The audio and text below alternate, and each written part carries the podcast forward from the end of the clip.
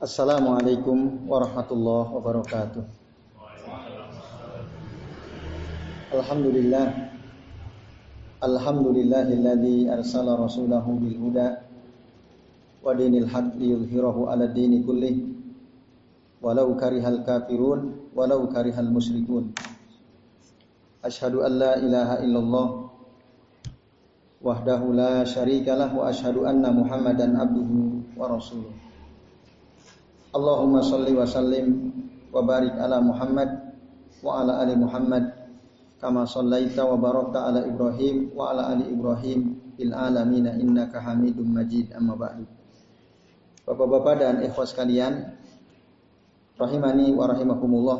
Alhamdulillah pada malam hari ini kita bertemu kembali di majelis kajian kitab Tazkiyatun Nufus. Insya Allah pada malam hari ini kita akan membahas bab yang keenam ya. Berarti halaman 79.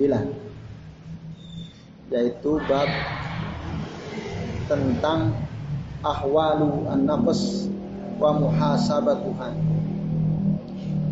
Keadaan nafsu dan melakukan muhasabah terhadap nafsu kita ya.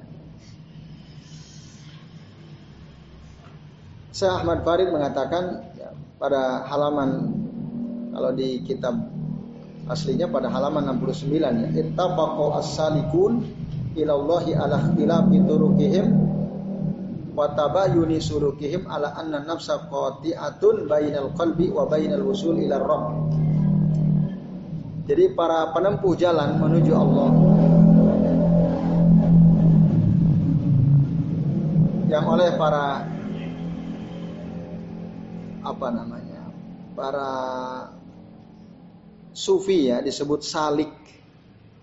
Ini istilah khas sufi ya. Jadi orang-orang yang menempuh jalan menuju Allah Taala untuk sampai kepada Allah Subhanahu Wa Taala mereka sepakat walaupun jalan yang mereka tempuh berbeda-beda cara mereka menempuh jalan menuju Allah juga beda-beda Maksudnya beda-beda zikirnya macam-macam. Tidak sama gitu. Salik ya, ala ikhtilafi turukihim berarti torikoh ya yang torikoh itu kan zikirnya beda-beda tuh ya. Torikoh Naksabandiyah, torikoh Sadiliyah, torikoh Qadiriyah dan lain-lain tuh ya. Mereka punya amalan sendiri-sendiri. Itu yang disebut ala ikhtilafi turukihim. Meskipun jalan yang mereka tempuh beda-beda. Cara mereka menempuh jalan itu juga berbeda, beda. Tapi tujuannya menuju Allah. Nah, mereka tapi sepakat, mereka sepakat bahwasannya nafsu itu menjadi penghalang bayina al-qalbi wa bayina al-wusuli ila rabb. Menjadi penghalang antara hati dan antara sampainya kita kepada Allah Azza wa Jalla.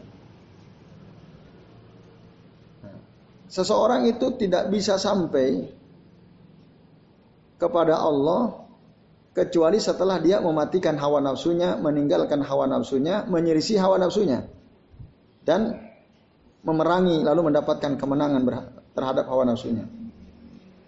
Jadi hawa nafsu itu sesuatu yang harus diperangi karena dia menurut ya, keterangan dari Syekh Ahmad Farid dan beliau mengutip ya tokoh-tokoh yang beliau sebut as-salikun itu di hawa nafsu itu bisa menghalangi sehingga orang tidak bisa sampai ke Allah taala. Kecuali kalau dia membunuh hawa nafsunya, meninggalkannya, menyelisihi keinginan syahwatnya hawa nafsunya dan dia mendapatkan kemenangan berperang lewat hawa, dengan hawa nafsunya. Baru dia bisa sampai ke Allah Subhanahu wa taala. Selama ada hawa nafsunya, dan dia ikuti hawa nafsu itu maka seseorang berarti kesimpulannya tidak akan bisa sampai kepada Allah Subhanahu wa taala. Nah itu. Nah, oleh karenanya manusia itu kata beliau ada dua golongan ala kismain. Kismun zofarat bihi nafsuhu wa malakathu ahlakathu wa sara tau'an laha tahta awamiriha. Ada manusia golongan manusia yang dikalahkan oleh nafsunya, dikendalikan oleh nafsunya, dibinasakan oleh hawa nafsunya, dan dia mengikuti syahwatnya hawa nafsunya. Ada orang yang seperti itu. Jadi kalah dia oleh hawa nafsunya. Itu golongan pertama. Kalau kita golongan ini bukan kita, semoga enggak ya. Semoga enggak. Ah, kadang-kadang ya. Nah, tapi ada golongan orang yang dia bisa memenangkan memenangkan pertarungan bersama dengan hawa nafsunya. Mengalahkan hawa nafsunya, justru yang tunduk kepada dia itu adalah hawa nafsu, bukan dia tunduk pada hawa hawa nafsu. Hawa nafsu itu yang justru mengikuti perintah-perintah dia. Ada orang yang seperti ini. Dan tentu yang kedua ini yang baik ya. Jadi dia menundukkan hawa nafsunya. Maka dalam hadis itu Nabi mengatakan al qayyisu mandana nafsahu wa amila lima ba'dal maut. Orang cerdas itu adalah orang yang menundukkan hawa nafsunya. Itu orang yang kayis. Dan wa amila lima ba'dal maut. Dia beramal yang dia siapkan untuk kehidupan setelah mati. Itu orang kayis. Kayis itu orang cerdas. Sebaliknya wal ajizu, orang lemah itu adalah orang yang manit taba'a hawah. Manit taba'a hawahu. Orang yang ngikutin hawa nafsunya wa tamanna 'alallahil amaniya. Dan dia berangan-angan dapat rahmat Allah, dapat ampunan Allah, dapat karunia dari Allah. Tapi cuma sekedar angan-angan. Faktanya sehari-hari dia selalu ngikutin hawa hawa nafsunya. Itu orang lemah itu orangnya. Orang jahil. Itu dalam hadis Nabi Shallallahu Alaihi Wasallam. Nah sementara kalau ba'dul arifin ini istilah hasufi ini. Saya Ahmad Farid ini beliau ya tapi karena beliau mengutip dari ini kan Imam Al Ghazali itu itu istilah ini istilah-istilah Imam Ghazali ini. Kalau istilah Ibnu Qayyim kayaknya Allah alam ya, beliau menggunakan nggak istilah ini. Tapi ini khas memang istilah sufi ya. Kalau ba'dul arifin berkata sebagian arif itu ahlul ma'rifah, ini orang berilmu. Biasa kalau ulama salaf itu qala ba'dul ulama. Jarang menggunakan qala ba'dul arifin. Ya.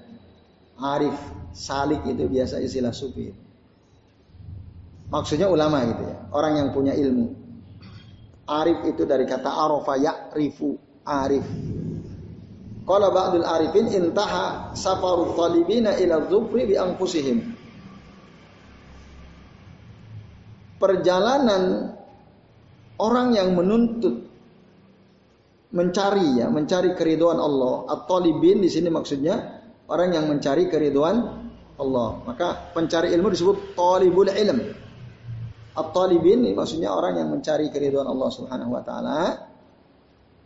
Safar mereka Nah, jadi dalam sufi itu setiap kita ini sedang safar. Setiap kita ini sedang melakukan perjalanan ya, ke negeri akhirat. Itu. Dunia ini bagian dari perjalanan. Nah, maka perjalanan orang yang mencari ridhonya Allah itu berhenti selesai saat dia bisa menundukkan hawa nafsunya. Nah, itu dianggap udah tuntas loh. Orang sedang safar menuju ridhonya Allah Ta'ala. Dia masih dianggap safar selama dia tidak bisa memenangkan peperangan dengan hawa nafsunya. Ketika dia mampu memenangkan itu, maka intaha safar. Perjalanan dianggap sudah rampung, sudah selesai. Itu kata siapa? Ba'dul arifin. Maka barang siapa yang bisa memenangkan, mengendalikan nafsunya, syahwatnya, aflah hawa anjaha.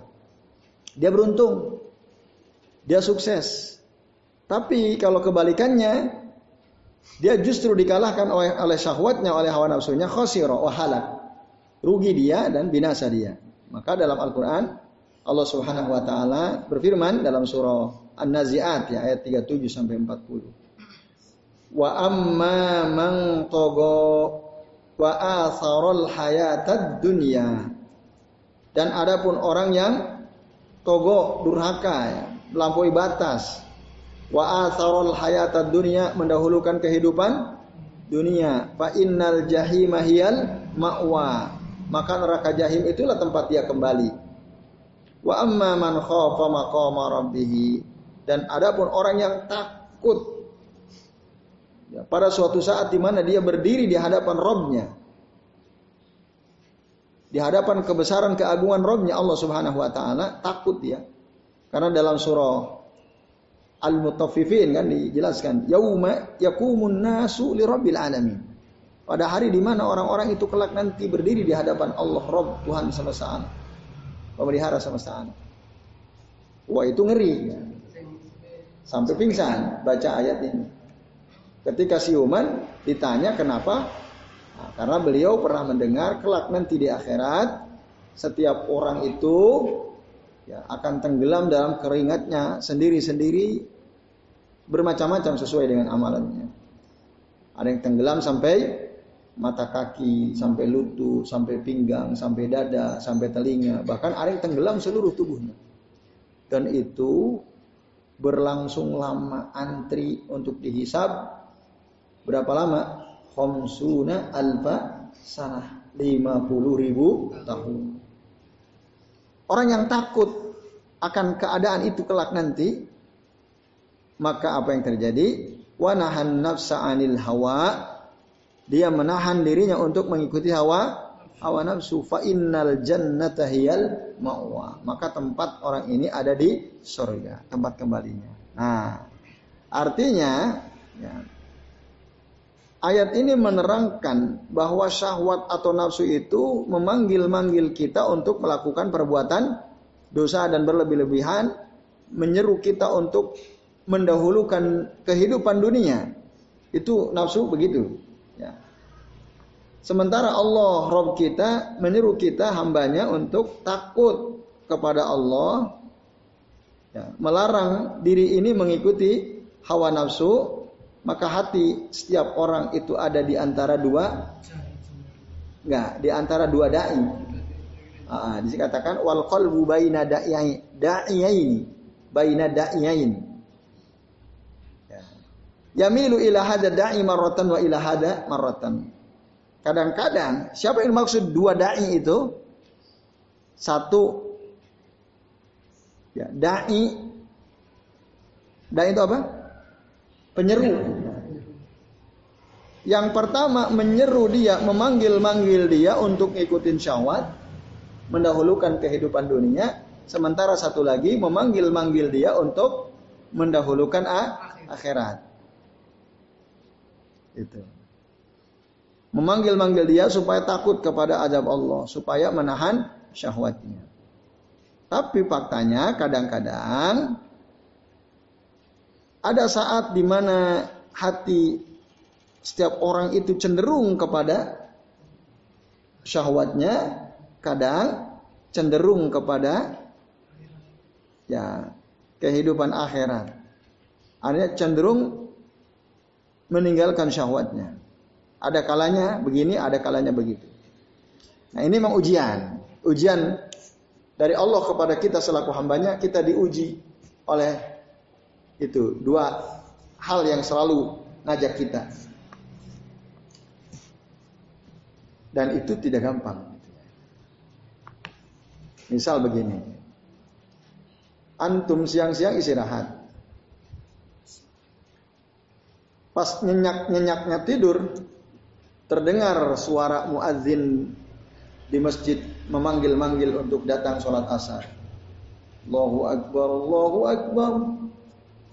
Antum siuman, oh bangun.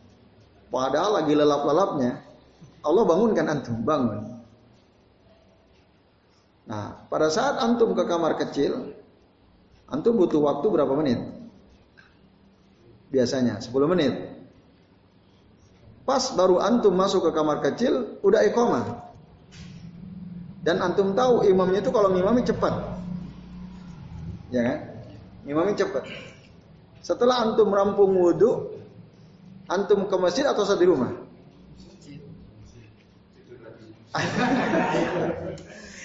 Yang sudah sudah bisa dipastikan kalau antum berangkat ke masjid, sholat udah rampung. Nah kan itu tuh. Itu godaan kan? Nah, gimana ini? Apakah kita cenderung ah udah berangkat ke masjid aja atau sudah di rumah saja? Kalau antum ke masjid, ngapain? Oh, sudah rampung orang. Nah, gitu kan? Udah udah rampung. Antum malu ya sama orang diliatin antum. Orang udah rampung ke antum masbuk. Orang udah selesai semua. Wes neng omawai kan gitu. Ya kan? Nah, di rumah aja. Sementara udah antum berangkat ke masjid. Gak usah malu, wong berbuat baik kok malu. Bukankah ketika antum pergi ke masjid, antum keluar rumah, antum baca doa kan? Setelah itu antum baca doa lagi waktu jalan kan? Setelah antum sampai masjid, antum masuk masjid, baca doa lagi kan? Antum niatnya jamaah kan? Nah, itu udah dicatat antum tetap sholat jamaah meskipun antum telat. Telatnya antum kan nggak sengaja. Tadi antum kan ke kamar kecil. Daripada antum tahan lebih baik antum tuntaskan. Wis, ke masjid, jalan terus. Nah, tapi penyeru yang satu nggak mau diem juga. Udah di rumah, ngapain ke masjid? Nah, itulah kira-kira contohnya ya, yang sederhana. Nanti bagaimana akhirnya itu tergantung pilihan kita. Kadang-kadang yamilu ila hadza da'i marratan wa ila hadza marratan. Kadang ada kalanya kita ngikutin yang ini, ada kalanya ngikutin yang ini. Ya, begitulah memang. Nah, itu ujian ya. Itu ujian. Ah, gitu. Nah, itu.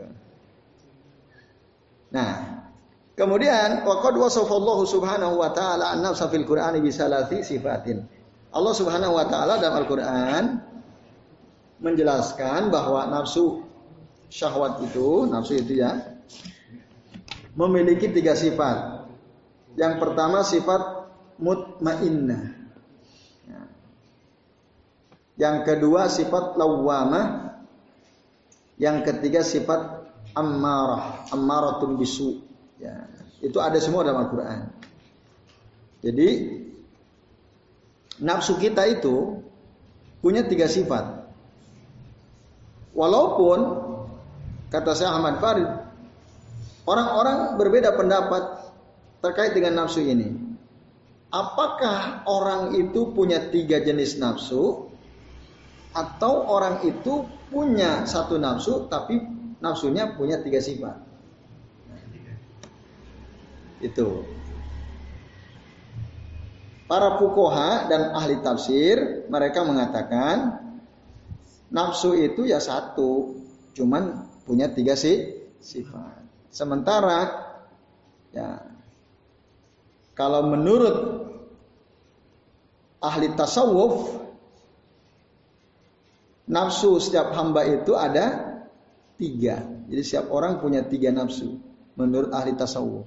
Tapi menurut ahli fikih, mufassir, ya nafsu satu.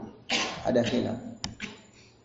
Lalu kata Syekh Ahmad Farid, wat tahqiq sebenarnya annahu la nizaa bainal fariqain. Sebenarnya enggak ada kontradiksi sebenarnya. Fa inna wahidah nafsu itu ada satu. Bi'tibari zatiha kalau dilihat dari sisi zatnya satu nafsu itu. Tapi wasalah satu bi'tibari sifatiha. Kalau dilihat dari sisi sifatnya dia ada tiga. Jadi sebenarnya ahlus ahlu tasawuf melihat dari sisi sifat sementara al-fuqaha wal mufassirun melihat dari sisi zat, zat dan sifat. Jadi sebenarnya enggak enggak enggak ada kontradiksi sebenarnya. Nah itu. Jadi nafsu masing-masing kita ya satu. Cuman satu nafsu bisa punya tiga sih sifat. Sama seperti kita. Kita zatnya kan satu juga. Apa ada yang bisa membelah diri jadi dua, tiga, dan seterusnya nggak ada ya, kecuali dalam film kartun. Ya, satu bisa jadi banyak. Satu, cuman sifat kita macam-macam kan? Nah itu. Maka, nah, apa sifatnya itu? Yaitu sifat nafsu yang pertama apa? Nafsu mutmainnah, an-nafsul mutmainnah. Ya. Walaupun ada tokoh mengkritik, enggak, enggak ada itu. Nafsu mutmainnah itu enggak ada. Jadi pernah saya kuliah di pasca sarjana ya, ada seorang profesor dia tegas mengatakan nafsu mutmainnah itu enggak ada kata dia. Enggak ada. Nah, dengan sangat yakin dan gagah beliau katakan tidak ada kata beliau. Buktinya apa? Beliau menyebutkan bukti. Siapa coba yang paling layak dapat nafsu mutmainnah? Ustadz toh, kiai toh, orang-orang alim toh. Tapi di lapangan faktanya ada nggak kiai yang menghamili santrinya, santriwatinya? Ada nggak? Ada. Nah, itu mana itu? Bohong, nggak ada. Nafsu mutmainnah berdasarkan riset beliau itu nggak ada. Riset asal-asalan barangkali ya. Itu nggak ada, nggak ada nafsu mutmainnah. Nah, waktu itu kami bilang begini, Begini Pak, jadi dalam kehidupan itu kan ada tataran realitas, ada tataran tataran idealitas. Ada sesuatu yang ideal, ada sesuatu yang real.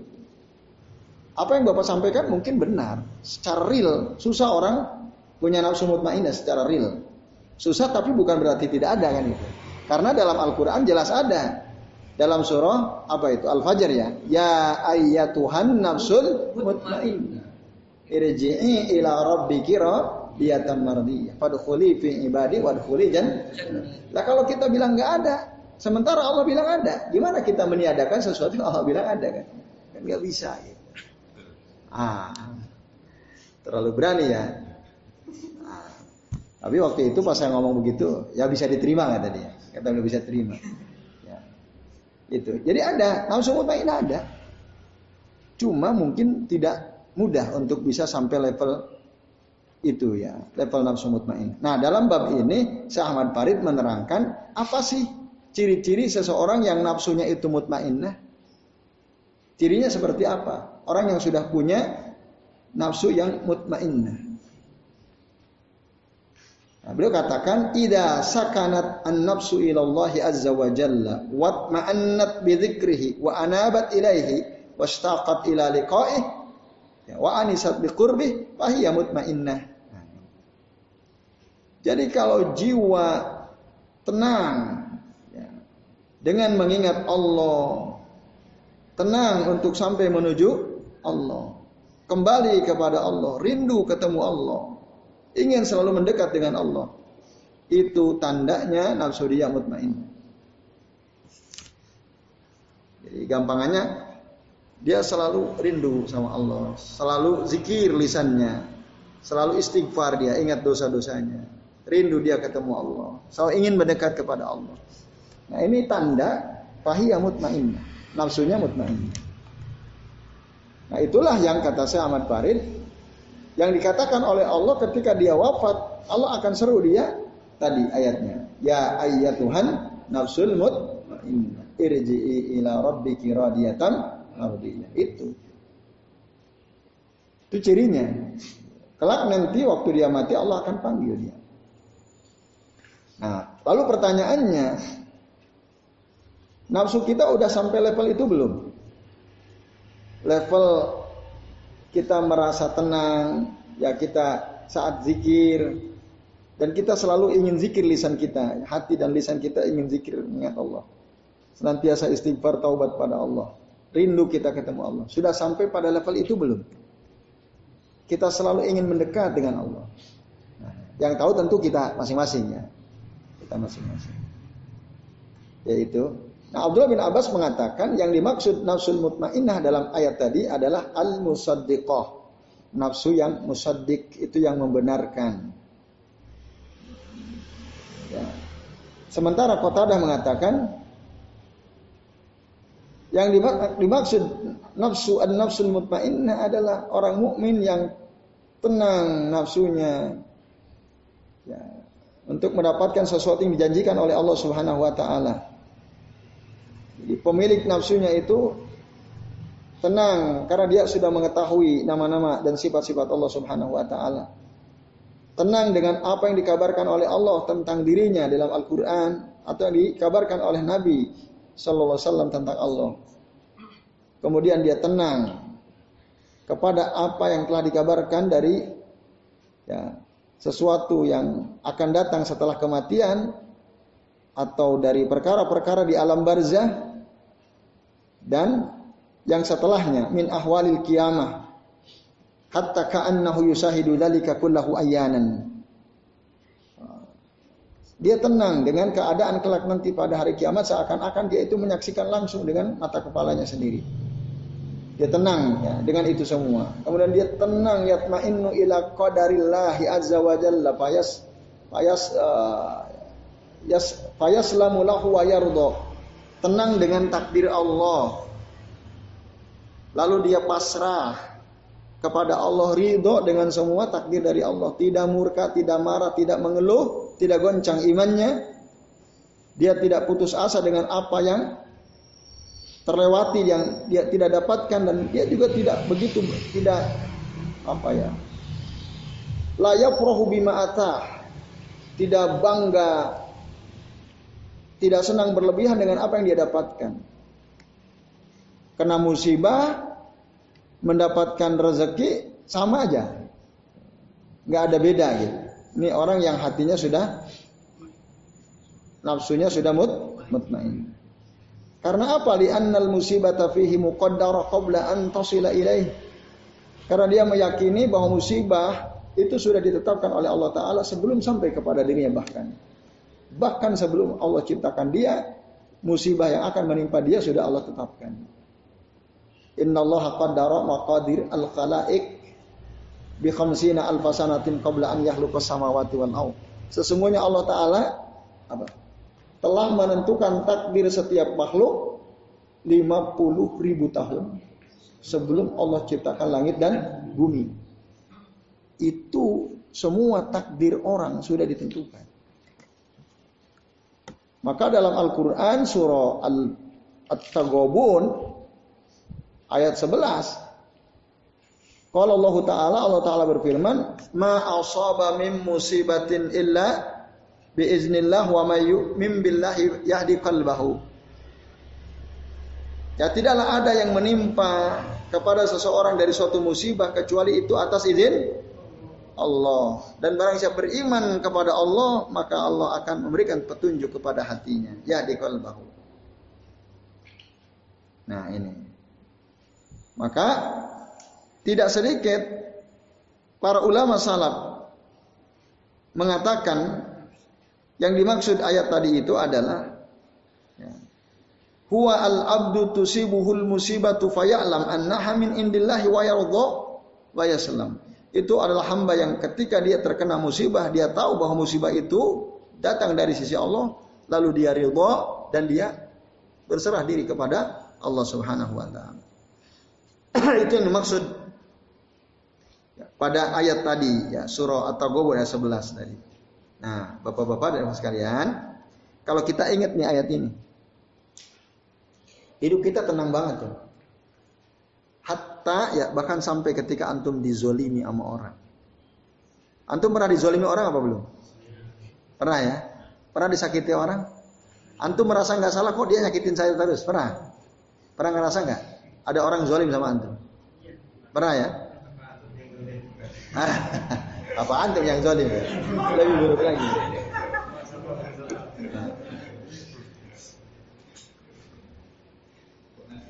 Kalau ada orang zolim sama antum, itu musibah bukan?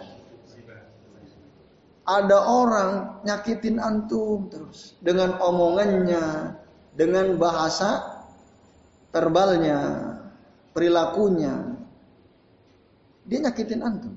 Antum sebenarnya nggak pantas disakiti, tapi ada orang nyakitin antum, zolim sama antum. Nah, apa yang akan antum lakukan? Antum datangi rumah dia, lalu antum tantang gelut sama dia. Kamu zolim betul sama saya, atau bagaimana? Wong badan antum lebih besar daripada dia, datangi atau apa yang akan antum lakukan ketika ada orang yang zolim sama antum, nyakitin antum? Nah. Ya.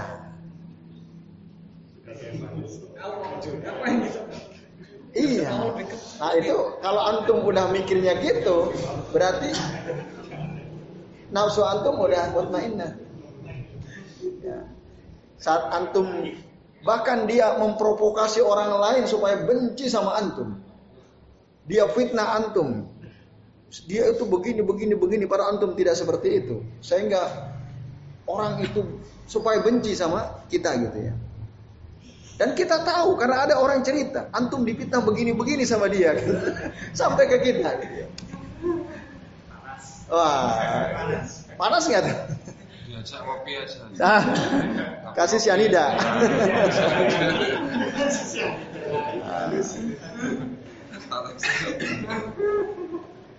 Orang mukmin yang hatinya mutmainnah, yang jiwa apa? Nafsunya mutmainnah tidak begitu ya. Tidak tidak ngajak ngopi, tidak. ya. Tapi dia berpikir, ya Allah ini musibah. Gitu. Ini mu musibah bukan? Musibah kan? Tapi dia ingat, tidaklah ada musibah yang menimpa dirinya kecuali itu Allah sudah tetapkan. Bahkan sebelum kita lahir. Jadi penghapus dosa kita. Jadi dia nggak nggak mikirin itu tuh Orang yang benci sama kita itu, ah, ente itu seperti uf. Uf itu tai kuku.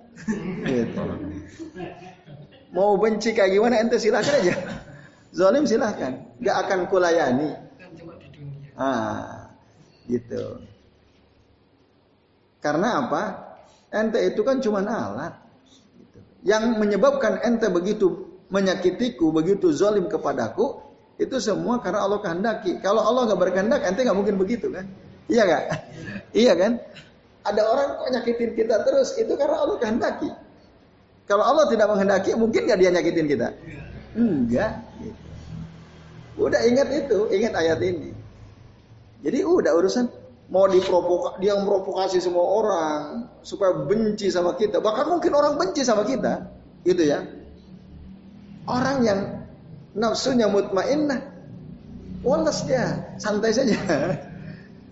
Iya, selalu aja dia. Karena apa? Dia tahu ini semua terjadi atas kehendak Allah. Musibah ini kena dia itu atas izin Allah. Uh, udah selesai. Nah itu.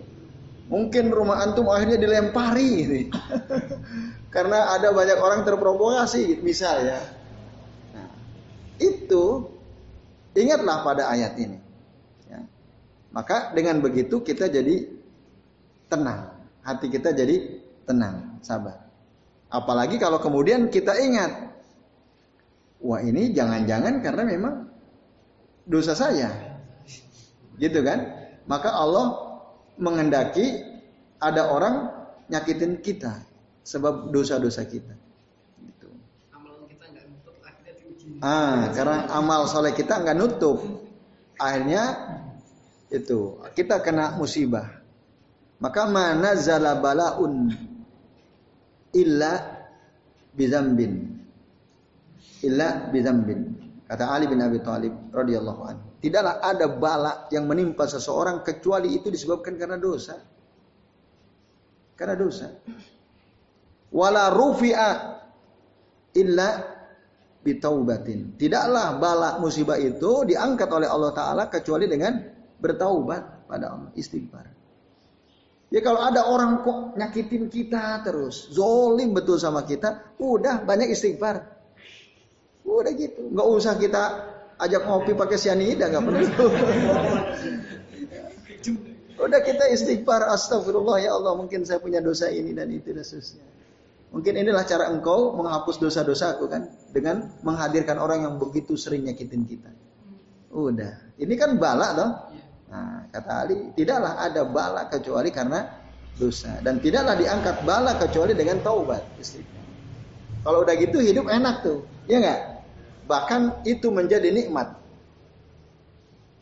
Orang zolim sama kita, ada orang sering nyakitin kita itu jadi sengsara membawa nikmat.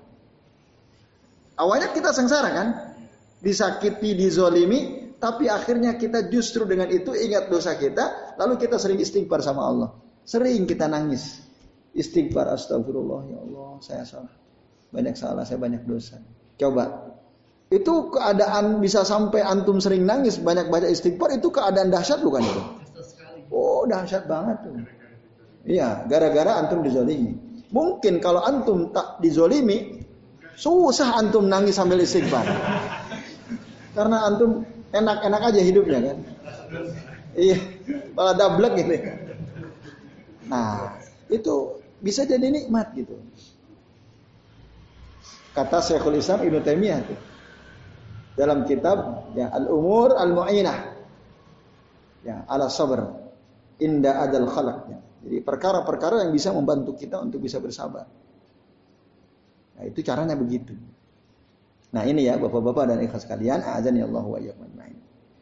Kemudian wa amma tu'maninatul ihsan, ihsan fahiya tu'manina ila amrihi imtisalan wa ikhlasan wa nusha.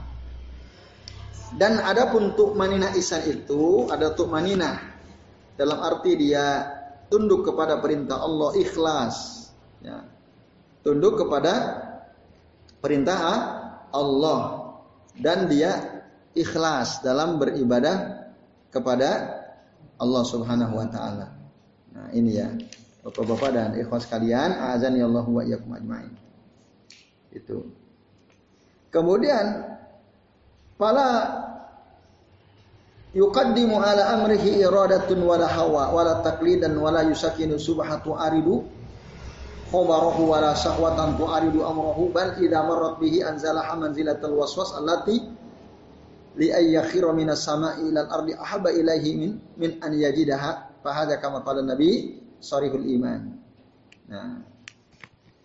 Jadi bapak-bapak dan ikhwas kalian azan ya Allah wa yakum ajmain. Ya.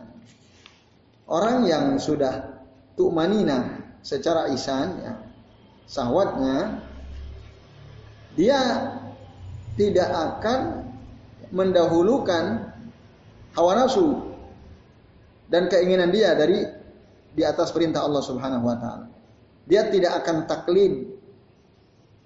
Dia tidak akan tenang dengan subhat yang bertentangan dengan kabar dari Allah Subhanahu wa taala dengan Al-Qur'an maksudnya.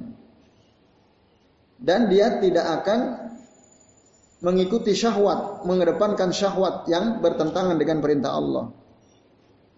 Nah, jadi kalau ada syahwat datang kepadanya, maka dia mendudukan syahwatnya itu ibarat gangguan yang dia lebih memilih jatuh dari langit ke bumi ya. Li ayyakhirra minas sama'i ilal ardi ahabu ilaihi min an yajidaha. Dia lebih baik jatuh dari langit ke bumi itu lebih dia sukai daripada dia mendapatkan gangguan syahwat tadi itu.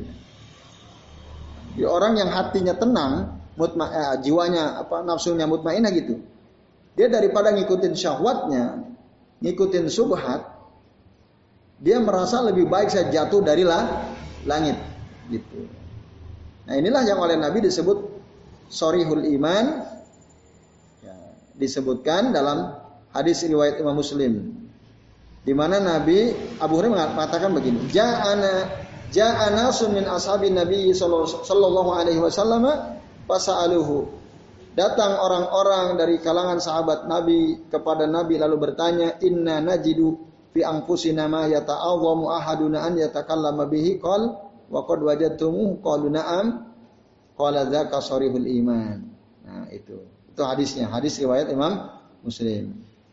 Jadi kita mendapatkan dalam jiwa kita ini ma yata'azzamu ahaduna an yatakallama bihi. Jadi uh, salah seorang dari kami uh, tidak akan bangga untuk membicarakan hal tersebut ya. Kalian sudah mendapatkannya kata Nabi. Qalu na'am ya, kami mendapatkan situasi itu. Qal lalu Nabi bilang dzalika iman. Nah, itulah iman yang sorry, iman yang terang, jelas gitu. Gitu. Nah, kadzalika yatma'innu min qalaqi al-ma'siyati wan wanzi'ajiha ila sukuni taubati wa halawatiha. Nah, begitu juga ya kalau imannya kokoh ya iman kita ini kokoh Maka apa yang terjadi? Nah, yang terjadi tadi apa? Nah, dia akan tetap tenang untuk meninggalkan maksiat gitu ya. Itu dia akan tenang untuk meninggalkan maksiat. Nah, itu. Lalu disebutkan ya dia merasakan nikmatnya manisnya taubat. Kalau dia tenang, nafsunya tenang, maka dia akan berpindah dari keraguan menuju keyakinan, dari kebodohan menuju ilmu, dari kelalaian menuju zikir ingat terus pada Allah, dari khianat kepada taubat, dari dia kepada ikhlas, dari bohong dusta kepada jujur, dari lemah tadi menjadi kayis, dari al-ajid menjadi kayis, lemah jadi cerdas gitu ya. Dari tadinya ujub nah, menjadi tawadhu. Nah, itulah nafsu yang tenang. Jadi berarti nafsu yang tenang itu dia memiliki keyakinan ya. dia selalu ingin mendapat ilmu di hatinya itu haus dengan il, ilmu dia benci kebodoh, kebodohan kejahilan dia. Dia senang ilmu. Dia senantiasa berzikir. Senantiasa bertaubat, ikhlas, berusaha ikhlas, berusaha jujur, berusaha untuk menjadi al-qayyis tadi. Tidak ujub, tawadu. Nah, itu orang berarti nafsunya mut mutmainnah. Untuk bisa sampai pada level nafsu mutmainnah itu berangkat dari kesadaran, hiya al-yaqzah. Nah, maka yakzuh kesadaran itulah yang bisa menyingkap dari hatinya. Ya apa? Kelalaian. Ya, dan memberikan cahaya kepadanya dengan cahaya dari sorga ya. Lahu kusuru al jannah itu. Jadi sadar kalau kita ingin punya nafsu yang mutmainnah, tadi munculkan kesadaran itu. Maka dengan kesadaran inilah dia bisa melihat nah, apa yang diciptakan Allah untuk dia, apa yang akan dia dapatkan dari mulai dia mati sampai nanti dia masuk ke negeri akhirat gitu ya. Dan dia akan melihat bahwa dunia ini akan cepat hilang. Dunia itu sedikit. Tidak bisa memenuhi kebutuhan anak-anaknya. Bahkan bisa membunuh anak-anaknya. Itu. Kalau orang sudah sadar gitu ya. Lalu kemudian dia bangkit. Nah, dia bangkit dari keadaan yang seperti itu Lalu dia berkata ya hasrata ala ma farrattu fi jambillah.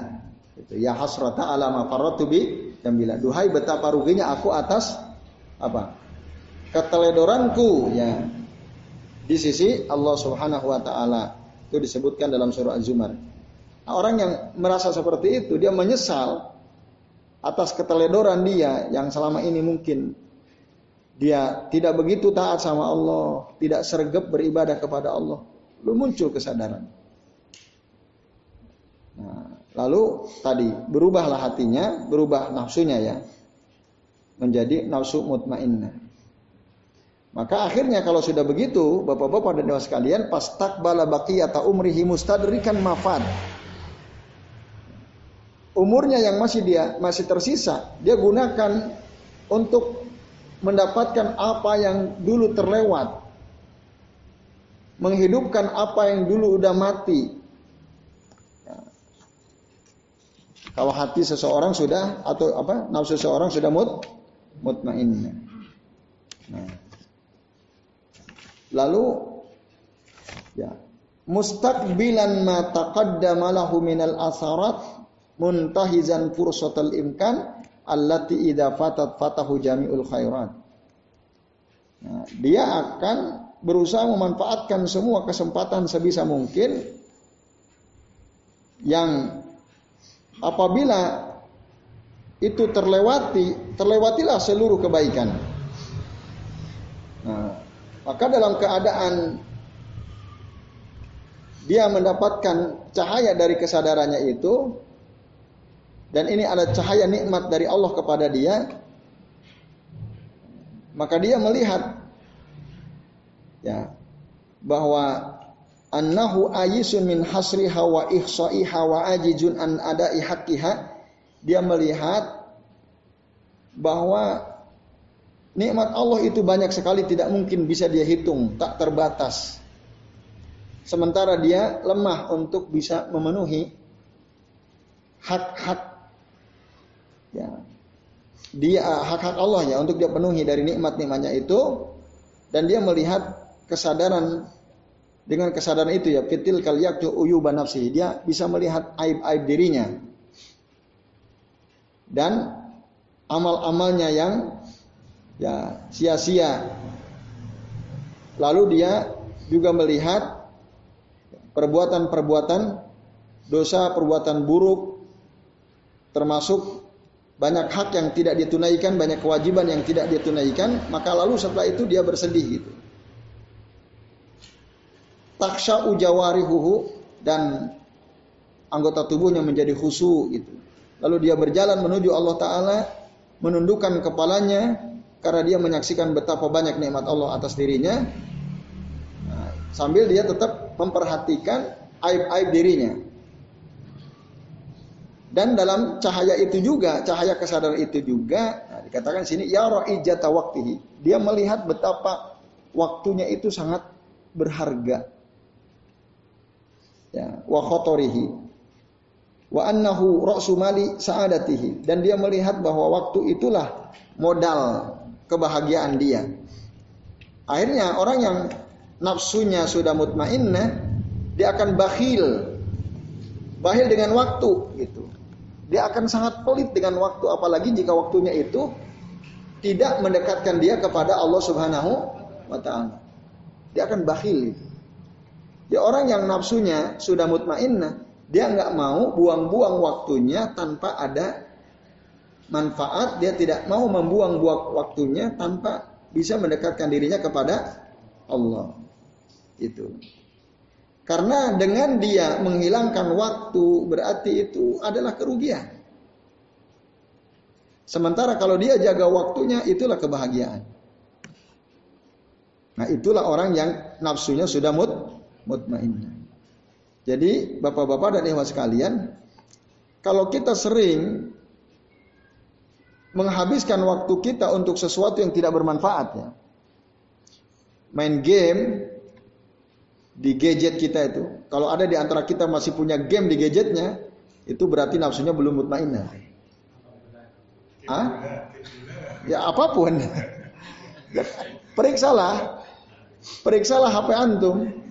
Kalau masih ada di HP antum aplikasi game itu antum belum nyampe level mutmainnah. Itu tanda bahwa antum sering menghabiskan waktu untuk hal yang sia-sia kan? Puas. Sahwat antum puas, ya kan?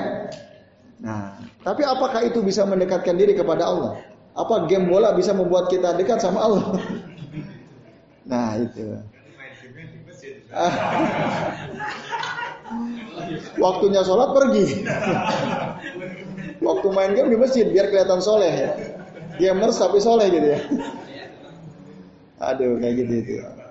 Nah, jadi orang yang masih ada hal-hal bahkan nggak ada game aja bisa menghabiskan waktu nggak bermanfaat kan? Ah, handphone tanpa game saja. Ah, kita lihat video TikTok gitu ya. Wah itu ah, kan udah hilang tuh banyak waktu kita. Nah orang yang nafsunya mutmainnah, dia bakhil. Ya bukhalu biwakti fi ma la yuqarribuhu ilallahi azza wa jalla. Dia bakhil sekali. Kalau kita sudah sampai pada level itu berarti itu tanda nafsu kita sudah mut mutmainnah. Itu.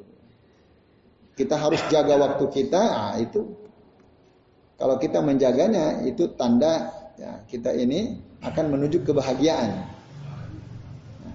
Maka pengaruh dari kesadaran ini ya, inilah awal manazil an-nafsil mutmainnah allati yansha'u minha safaruha ila Allah taala wa daril akhirah. Nah ini, ini terakhir. Jadi pengaruh adanya kesadaran itu, kesadaran tadi uh, pentingnya mendahulukan ilmu, dia benci kepada kejahilan dan seterusnya tadi itu, itu kan muncul dari kesadaran. Nah, ketika udah sadar kita dari betapa berharganya waktu, akhirnya dia bakhil terhadap waktu dia. Kalau tidak mendekatkan diri sama Allah, dia tidak akan habiskan waktunya. Itu kan kesadaran tuh yakzoh disebutnya yakzoh dalam bahasa Arab. Nah, itulah awal manazilin nafsil mutmainnah. Itulah awal kita akan sampai kepada nafsu yang mutmainnah. Itu. Yang muncul dari apa? Dari kesadaran tadi. Ketika kita berjalan menuju Allah Subhanahu wa taala dan menuju negeri A, akhirat. Ilallahi wa daril A, akhirat. Nah, ini Bapak-bapak dan Ibu sekalian, azan Allah wa ya. Jadi jelas ya. Itu. Nah, mudah-mudahan kita bisa punya nafsu mutmainnah ya. Mutmainnah tadi. Ya, tadi indikatornya sudah dijelaskan semua, tinggal kita membaca diri masing-masing. Udah muncul belum tuh kesadaran kita? Betapa misalnya berharganya waktu, betapa ya pentingnya ilmu, pentingnya senantiasa berzikir kepada Allah, betapa banyak nikmat Allah kepada kita, betapa kita ini kurang ya, menunaikan hak-hak Allah yang ada atas diri kita dan seterusnya.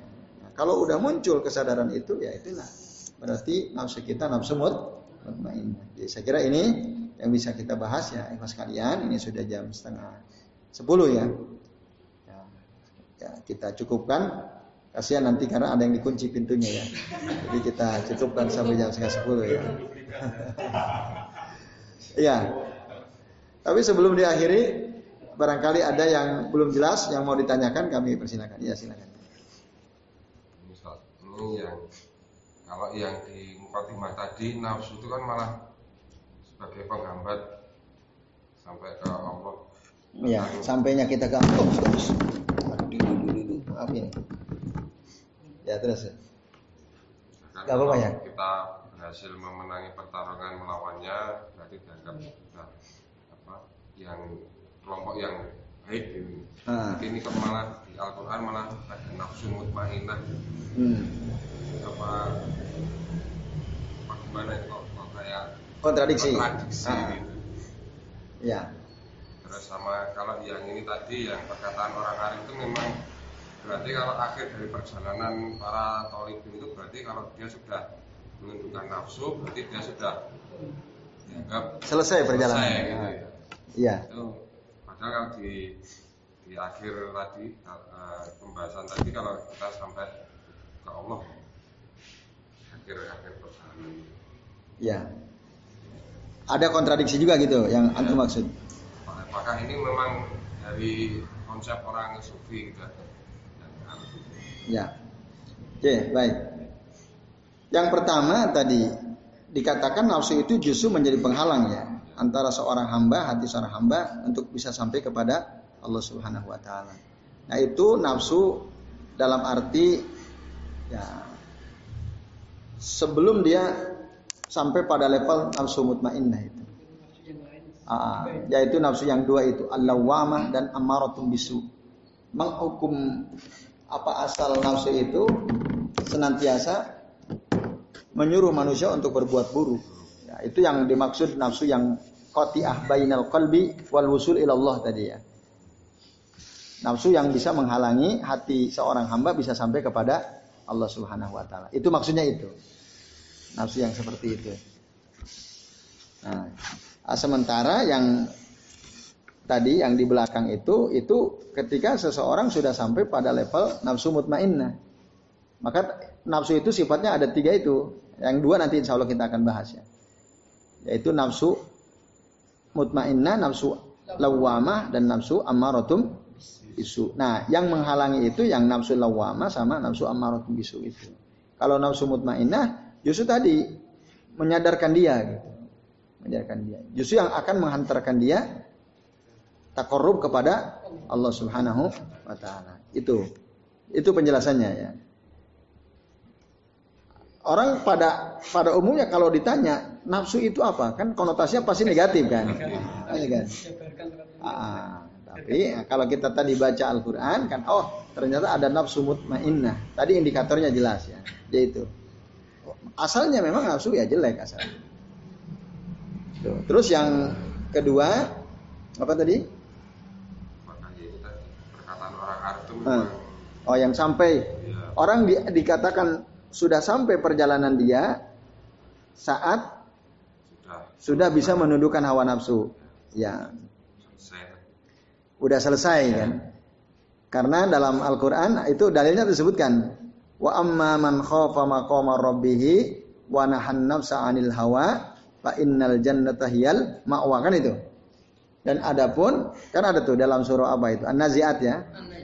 An Wa amma man khafa maqama rabbih dan adapun orang yang takut kalau di situ diterjemahkannya keagungan Allah ya. Ya, maksudnya takut ketika dia berada di hadapan Allah. Di hadapan keagungan Allah taala wa nahan nafsa 'anil hawa. Lalu dia menahan dirinya dari mengikuti hawa nafsu, ikutin syahwatnya. Nah, itulah orang tempatnya di surga. Nah, dari situlah Ba'dul Arifin menyimpulkan Orang kalau sudah bisa menundukkan syahwatnya, menundukkan nafsunya, nah berarti dia perjalannya udah beres.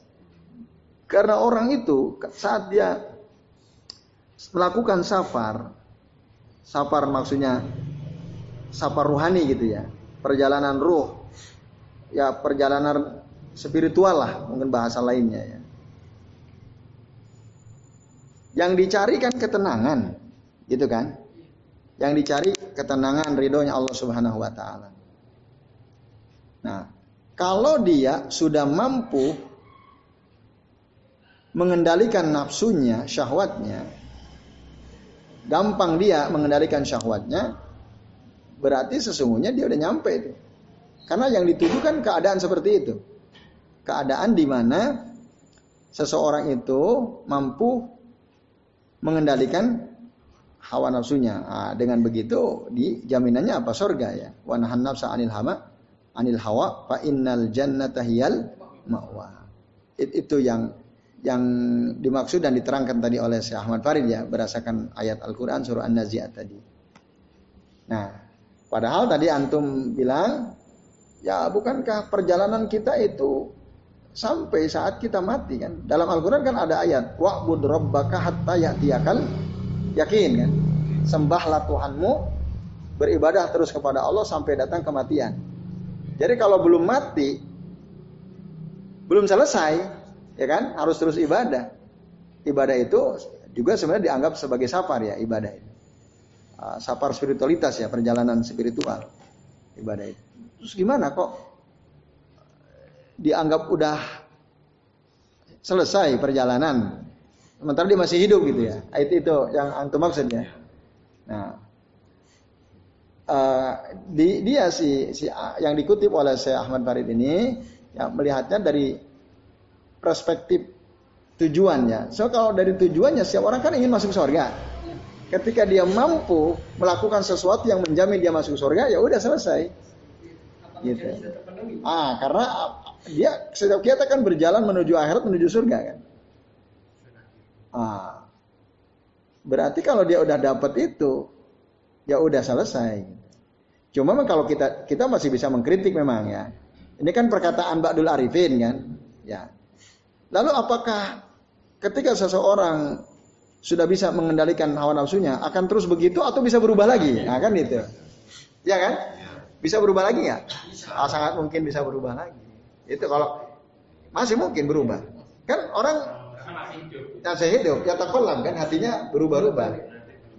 Ah. Nah, itu. Jadi itu